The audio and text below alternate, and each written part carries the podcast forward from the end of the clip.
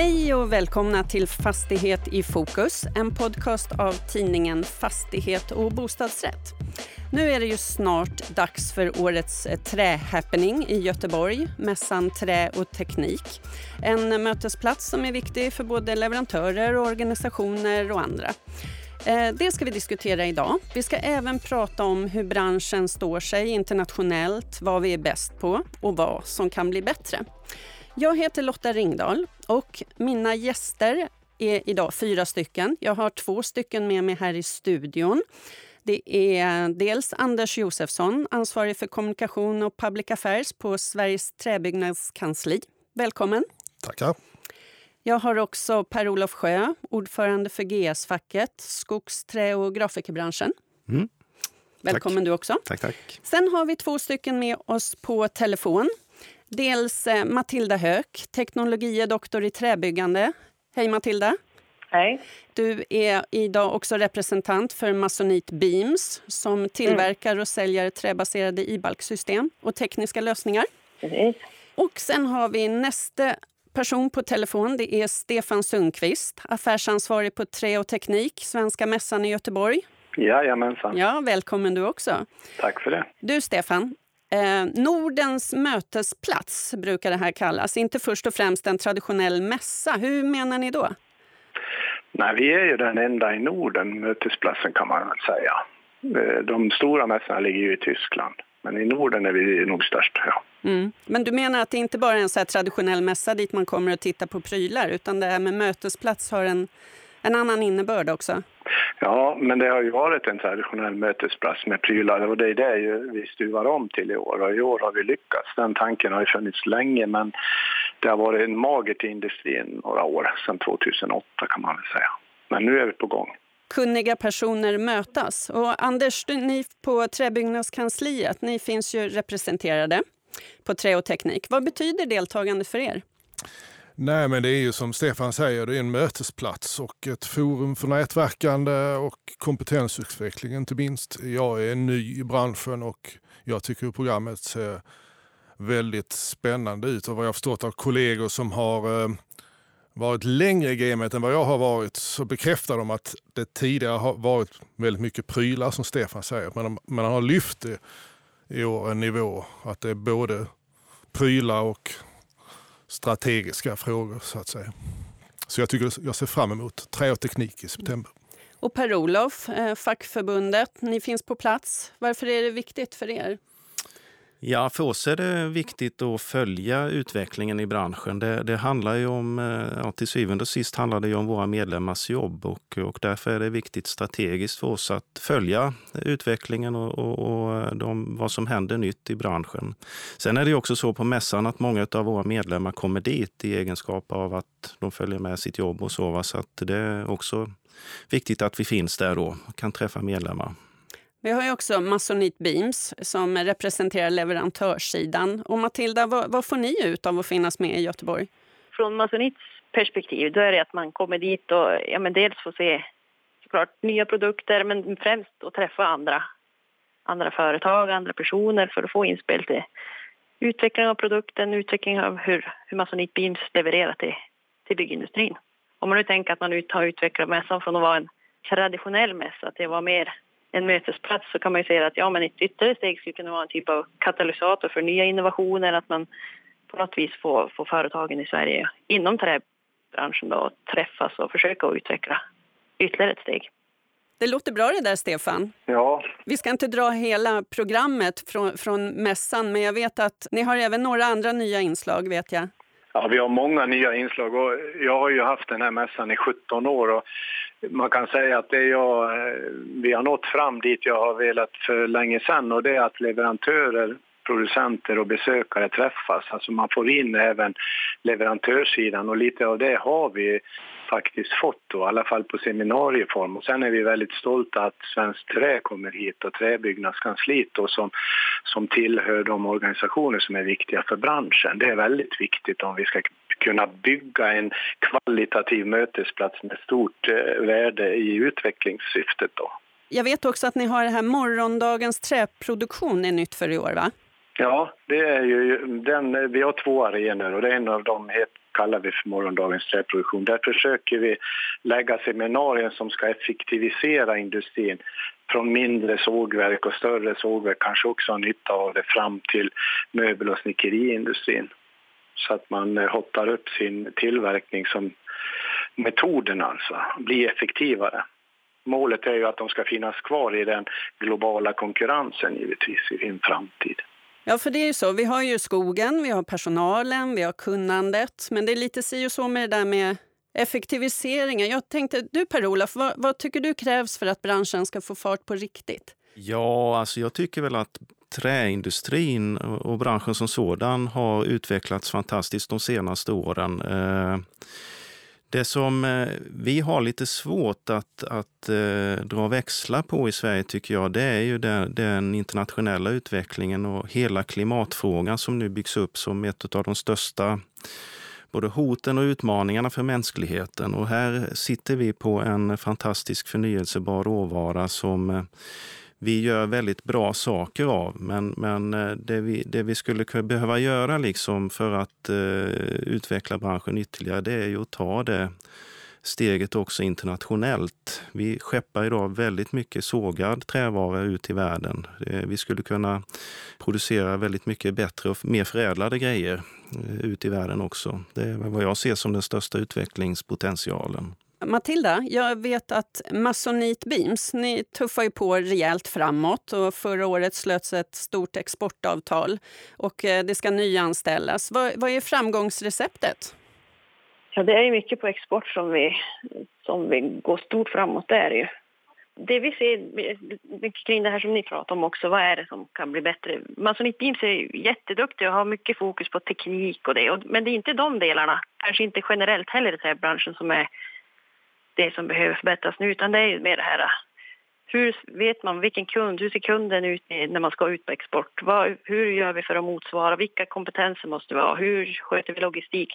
Alltså se på hela affärsmodellkonceptet egentligen. Har vi alla delar? Kan vi motsvara kunden? Kan vi ha de leveranstider som krävs? Och hela den kedjan. Och det tror jag väl kanske är lite det där som att där skulle behövas något, något extra egentligen.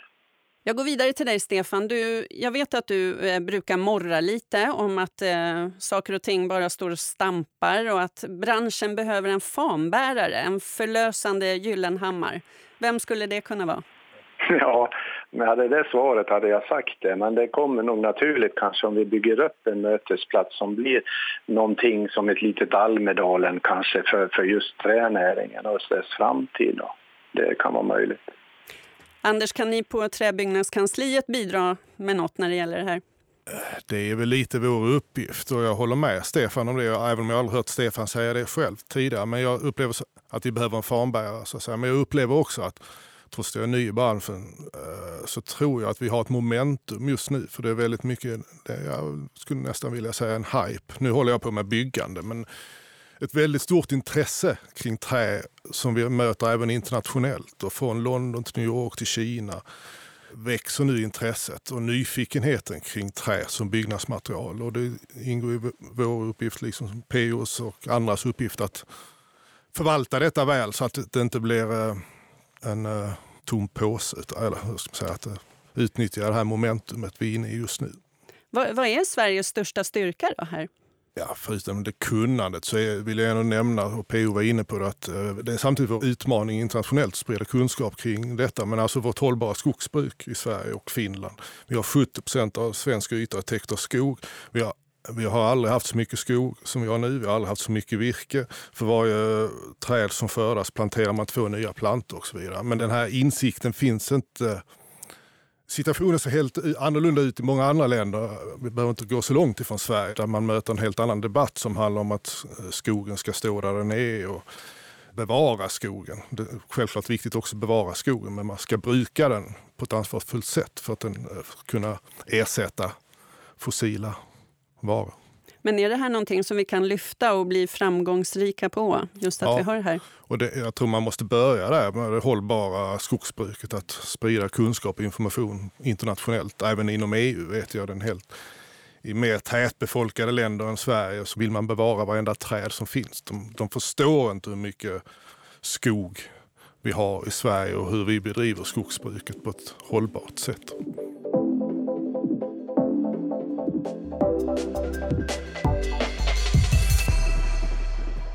Jag antar att det finns en hel del vi kan bli bättre på också. Vad säger du Per-Olof?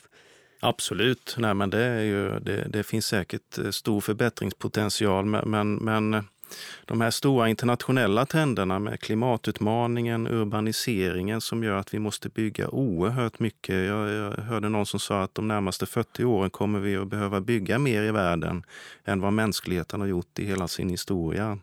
Och hela den här alltså internationella eh, utmaningen landar ju någonstans i att vi måste kunna utveckla vårt hållbara skogsbruk. Vi måste utveckla nya byggsystem som, som ju gör att vi blir en del av lösningen och inte en del av problemet. Och det är ju en fantastisk fördel om du tittar på andra länder som inte har den typ av eh, hållbart skogsbruk som vi bedriver här i Sverige. Så att eh, jag tycker branschen är på väldigt god väg. Framförallt när det gäller utvecklingen av nya byggsystem så ser vi ju att det pågår en fantastisk eh, utveckling nu. Och för oss i facket är det ju eh, naturligtvis viktigt att vi skapar nya hållbara gröna jobb. Det är ju ett av de uppdragen som är viktigast för oss i facket. Så att det här går ju som hand i handske. Matilda, vad säger du? Det här med hållbarheten, är det det som kan bli lösningen eller har du något annat vad vi kan förbättra och bli ledande? Absolut, det är väl en, en stor del av det hela. Att man visar på det, att vi är hållbara. Sen tror jag nog att vi kan utveckla den där, det hållbara i Sverige. Att vi inte nyttjar hela stocken till att förädla. På, om vi tar Finland som exempel så är de ju, de har en bättre, de har massa industri, de har hela kedjan som tar hand om hela stocken. Och vi har ju inte riktigt den uppsättningen i Sverige som vi skulle kunna bli otroligt mycket bättre på. Vad krävs för att vi ska göra som i Finland? De har en annan struktur på ett sätt. Och det är svårt att säga att ja, men vi ska igång med en, med en skiv, stor skivindustri i Sverige. Det är inget som är bara snutet snabbt sådär. Utan det är väl att titta på hur kan, för nu är vi väldigt inriktade på något sätt att vi vill ha bara de bästa delarna ur stocken. Det, det, är de vi på något vis utvecklar. Om vi på något vis ska kunna ta reda på hela stocken. För vi, det är ju mycket skog, mycket träråvara som, som går lite till spillo i Sverige. Om man nu ser det ur ett hållbarhetsperspektiv kan man tänka. Vad säger du Stefan om detta? Nej, jag tror att, eller jag vet att Matilda har rätt. Och det är väl synd att inte jag, vi har henne på scen. Vi får ta upp den här frågan 2018 för den är väldigt viktig. Att man gör av helheten och inte, som hon säger, tar eh, jordgubbarna i tårtan bara. Mm. Det är nog viktigt. Men å andra sidan är vi ju, har vi ju ändå ett hållbart skogsbruk även fast vi har den där mm. som är såklart är bra att marknadsföra. Får jag bryta in bara? Jag skulle säga, eh, vi kommer väl till det, men att exporten och internationellt är jätteviktigt men sen har vi också en enorm utmaning nationellt som vi mm. måste som träbyggare och trävarubransch, träindustribransch klara av med vårt kanske ett av de största bostadsbehoven i Europa med 700 000 bostäder till 2025. Eh, där vi har en utmaning att möta upp. Eh, ja, den, den räcker till och, så att det heter duga, även den svenska mm. utmaningen. Så att, säga. så Men... att vi inte glömmer den nationella biten. Jag tänkte det, om, om nu branschen får den här en ny hastighet framåt, då, då krävs det också att unga människor vill något annat än att synas i tv eller finnas på sociala medier. Per-Olof, som fackförbund, hur tänker ni? Hur lockar vi ungdomar till branschen framöver? Ja, det tror jag egentligen det som vi tillsammans, alla aktörer inom träindustrin, måste lägga våra pannor i djupa veck för att uh, hitta en lösning på. Eh, alla de här utvecklingstrenderna går ju åt rätt håll och det som skulle kunna ställa till det för oss är ju att vi faktiskt inte kan matcha det med, med, med kompetensförsörjning till branschen. Eh, och vi ser ju att eh, yrkesutbildningar idag i allmänhet eh, har ett väldigt lågt intresse bland ungdomar. Så att här måste vi tillsammans försöka hitta ingångar och kanske tänka lite konventionellt också ibland när det gäller att hitta vägar in i, i träbranschen. För att eh, ja, klarar vi inte det, då hjälper inte det här andra liksom, som, som vi håller på att utveckla nu. Har du några bra förslag? Nej, alltså en, en eh, som jag hör väldigt mycket det är liksom att, att branschens anseende kanske inte riktigt speglar verkligheten. Det, det är mycket förknippat med dålig arbetsmiljö, eh, tråkiga, monotona, enahanda jobb. Va? Och, och tittar man eh, på de här nya jobben som växer fram nu så ser det inte riktigt ut så. Så att branschen kanske borde bli lite bättre på att eh, faktiskt tala om vad det är man gör och vilka utvecklingsmöjligheter man kan erbjuda på en modern träindustri idag. För jag tror i den allmänna föreställningen och, och, och så, så eh, ser man fortfarande det här gamla som något som faktiskt fortfarande gäller. Stefan, hur tycker du vi ska bära oss åt för att få nästa generation att välja träbranschen? Kan trä och teknik bidra? Ja, det hoppas jag i en framtid. För att det är ju så här att det som skiljer egentligen det Volvo gör och träindustrin är ju bara materialet. Det är ju lika mycket, minst lika mycket fashion eller glamour i det här med att bygga snygga trähus. Att hela den här inredningen, alltså exteriört, interiört. Och det är vi dåliga i det här landet på att förmedla till eh, marknaden utanför verksamheten. Och, eh, där skulle man kunna bli bättre som gör att man, som han säger, suger åt sig ungdomar på ett annat sätt. Där måste alla hjälpas åt, va? från arkitektnivå fram till producenter. För vem tycker att ett trähus är fult? Ja, jag tror ingen. Va? Och jag skulle lägga till att tänka lite positivt. Jag tror att träbyggnadsbranschen har ett väldigt starkt eh, marknadsföringsargument i det industriella. Att vi bygger i fabrik till stor del, att det är under trygga förhållanden, under tak eller väderskydd. Det är en helt annan arbetsmiljö än när man i regel än när man bygger på plats. Eh, och kan ju nämna som exempel, det här är inte public service, att eh, Lindbäcks bygg uppe i Piteå som bygger en ny fabrik som ska stå klar 2017 siktar på att det ska bli världens modernaste husfabrik eh, och tar bland annat sin utgångspunkt från bilindustrin, mäter sig med dem. De söker nu, sökte nyligen arbetspersonal och fick till 60 tjänster fick de 1300 sökande, varav 30 eller 40 procent var kvinnor i en bransch, byggbranschen, som har jättekapacitetsbrist. Jag tycker att det är något vi ska lyfta fram ännu mer inom samhällsbyggnadssektorn. Vilka fördelar det är att bygga industriellt. Matilda, vet du något? Ni på Masonite Beam skulle också nyanställa. Har ni upplevt något liknande? Alltså det vi har störst problem egentligen det är ju kanske inom eh, konstruktion, alltså konstruktörer och få det kompetenta och, och få det till... För ofta ligger ju träindustrier dessutom kanske inte så centralt. Och då ska man få bra arbetskraft vad gäller som teknisk kunskap. För jag håller helt med vad ni säger där att ja, men det är ett oerhört stort spektra i vilken typ av kompetens som behövs inom träindustrin. Och det är ju kanske inte så tydligt. Jag tror att ur Lindbäcks perspektiv, de är ju väldigt eh, specifika vad de gör och hur och vad. Och då är det tydligt för någon som vill, alltså vad, vad är det jag kan jobba med här? Det är det inte i alla träindustrier. Alltså det kan ju vara konstruktör, du kan jobba med... Det krävs otroligt mycket utveckling inom processteknik, alltså hur intern effektivisering och få till sådana grejer som man kanske inte direkt tänker förknippa med träindustri. Att du är en eh, produktionstekniker till exempel. Det är, hela spektrat av kompetenser finns inom träindustrin.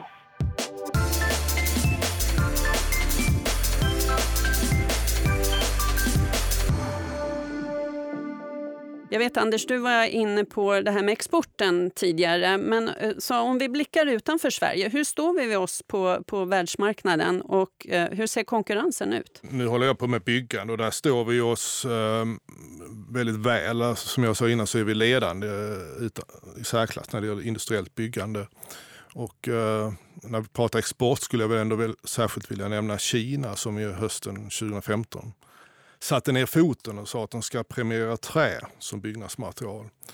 Och där är min arbetsplats väldigt involverad i att stötta och hjälpa till. Eh, ta fram nya byggregler, standarder och normer för att de ska kunna bygga höga hus i trä. Och det här är ju världens största marknad för konstruktion. Och det tror, tror jag, om, när det väl blir verklighet, att det kommer få spridningseffekter, inte bara i närregionen av Kina utan internationellt sett också. Och de, de samarbetar väldigt nära Sverige och svensk träindustri, vilket vill säga att vi står oss ganska väl internationellt sett. Hur upplever ni andra det här, Per-Olof, från fackets sida? Det här med konkurrens och världsmarknaden? Nej, men alltså, jag tycker ju att det som eh, håller på att utvecklas här i Sverige nu, eh, de här nya byggsystemen och eh, den nya know-how som vi utvecklar här, det är ju världsledande. Det finns ju ingen annanstans. Eh, och det som är vår fördel också är ju att vi har råvaran och vi har eh, ett hållbart skogsbruk i botten. Jag kommer ihåg att jag var på World Urban Forum för några år sedan eh, när Sverige hade en utställning där med träbyggande som tema och många av dem som kom dit och tittade sa att det är ju jättefint men ni skövlar ju era skogar. Så att det, det, är en mission att fylla just runt det här med det hållbara skogsbruket. Att vi faktiskt återplanterar och att vi sköter våra miljöåtaganden. För kan vi komma över den puckeln då ligger ju liksom världen redo för oss. Men jag, jag, vill understryka det att den uppgiften är jätteviktig för inte minst skogsindustrin. Och jag var på en konferens i juni nere i Småland som handlade om träbyggande. Det var en professor från Kalifornien som var transportprofessor. Han var uppväxt i Egypten. Och när han hörde alla lovord om träbyggande så räckte han upp handen och sa jag jag kan ingenting om eh, byggande men jag, jag har lärt mig att man ska vara försiktig med att skövla skog och varenda mejl vi skickar står det skriv inte ut detta på, på papper. Så. så. vi fick utbilda honom i pauserna. Liksom. Men det är ganska talande för hur man ser på det i väldigt många andra länder. Och utifrån kanske hur deras respektive länder har bedrivit sitt skogsbruk så är det kanske ganska förståeligt att de har den inställningen. Men situationen är helt annorlunda i Sverige och Finland. Vad säger du om det här med exporten, Matilda? Nej, men vi är ju helt klart är vi ju världsledande vad gäller teknik. Alltså brand, akustik, sådana tekniska är vi ju otroligt långt framme. Så det är inte det vi behöver fokusera på, utan det är att få ihop det där paketet, att vi har som en plattform, som ni pratar om där. Ja, men vi vet vad kunden, vad vill de ha om vi ska på export och hur paketerar vi det för att få till en försörjningskedja som, som fixar det som kunden vill ha. Så, och, och där ingår allt det här med hållbart. Om det är det de vill ha, ja, det är klart att vi måste leverera, leverera hållbart. Är det korta ledtider de vill ha, leverans snabba, ja, men då måste vi kunna leverera det. Så det är ju utgå ifrån vad... För det är ju ganska spritt. Om man säger Tyskland har en helt annan typ av behov och en annan kultur också som är jätteviktigt än vad till exempel eh, ska man leverera till Kina så är det ju helt andra krav och en annan kultur, hur man ser på trä och få med sig hela den där plattformen som man på något vis måste ha för att kunna leverera framgångsrikt. Ja, det Matilda säger tror jag är jätteviktigt. Det är väldigt lätt att man blir produktionsorienterad och fastnar i tekniska frågor. Den bästa balken, det bästa träet. Ja, och, så och det är kanske en mogen bransch som vi ändå är, att det är kanske en fälla man lätt förfaller i. Men det är trots allt kunden som har makten och att det, är, det går inte nog att understryka hur viktigt det är att Eh, Eh, och där kanske även träbyggarna har haft historiskt sett en eller om man säger branschen i sin helhet. En, man vill signalera att staten måste hjälpa oss. Trä är så bra för miljön, kan ni inte stötta? Sådär. Men eh, det är, det är någonstans ändå på marknaden som avgör, avgörandet sker. Vi måste kunna visa att det lever upp till kundens krav och gör bättre vardag för kunden helt enkelt. Det är där avgörandet. Och inte sända signaler att vi behöver stöd. Det är inte där skon klämmer. Om jag inflikar där, om vi tar Lindbäcks bygg igen som ett bra exempel som det ju går väldigt bra för, så har de ju tydligt kundsegment. De vet hur de ska leverera till det. Och det är ju samma typ av modell, att man har ett tydligt kundsegment och man vet precis vad som ska till för att leverera, som måste till för övriga också inom träbyggnadsbranschen egentligen. Så det är en bra modell att tänka efter hur Lindbäcks fungerar, även om de är på ett begränsat segment.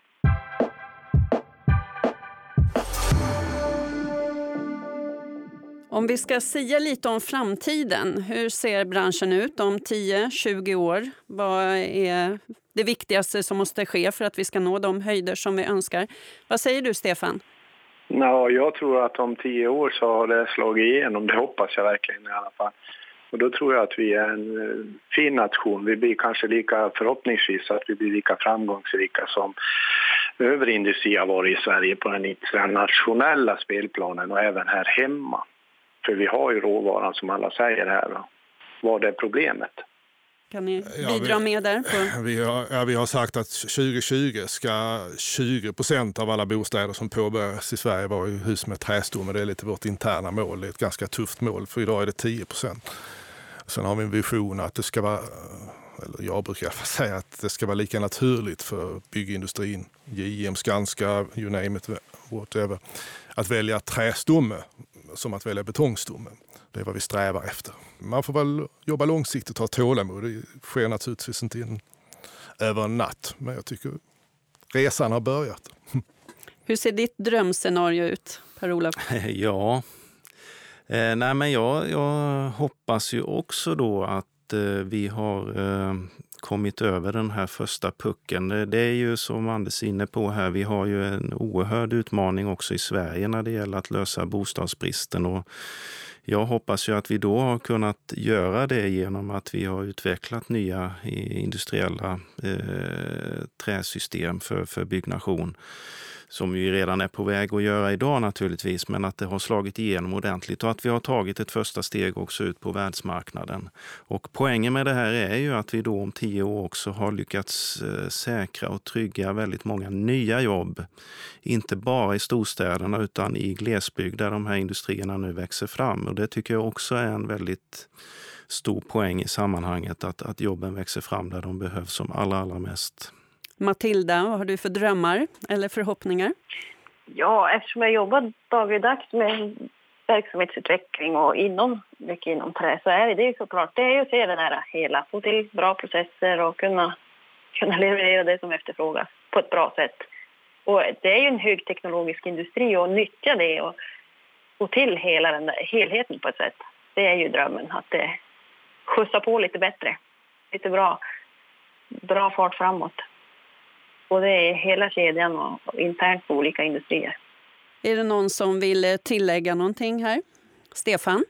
Nej, de har väl sagt det som sägas kan, men jag håller med fullständigt om att vi måste ta hand om den råvara vi har. Och det krävs det både kompetens och affärssinne. Eh, det kommer ju en lite nya grejer i år här som vi aldrig haft med förut. Eh, vi pratar om skogsbruk och sånt. Sveaskog kommer här på seminarier och även Södra. Och de vill ju berätta hur de ser idag på kundens kund så att säga, ända ut eh, så att de ska sköta skogarna, vad jag förstår, på ett förnuftigt och bra sätt som ger bra produkter och i samklang med naturen. Och det har vi aldrig haft förut. Eh, några som har varit intresserade av att komma och tala kring den delen. Då. Vi kanske ska träffas här. Skriva upp i kalendern att vi ses om tio år Precis. på dagen och så kan vi checka av hur det har gått. Och med de orden så avslutar vi dagens diskussion. Eh, jag ska passa på att tacka våra gäster. Både Per-Olof och Anders här i studion och Matilda och Stefan som har varit med oss per telefon. Eh, och som trogna lyssnare vet, den som vill ha mer information om träbranschen, Trä och teknikmässan eller komma i kontakt med någon av dagens gäster. Ni hittar information på hemsidan på fastighet och bostadsratt.com. Och vill ni se oss på bild, ja, då besöker ni oss på Instagram. Tack och hej, vi hörs snart igen.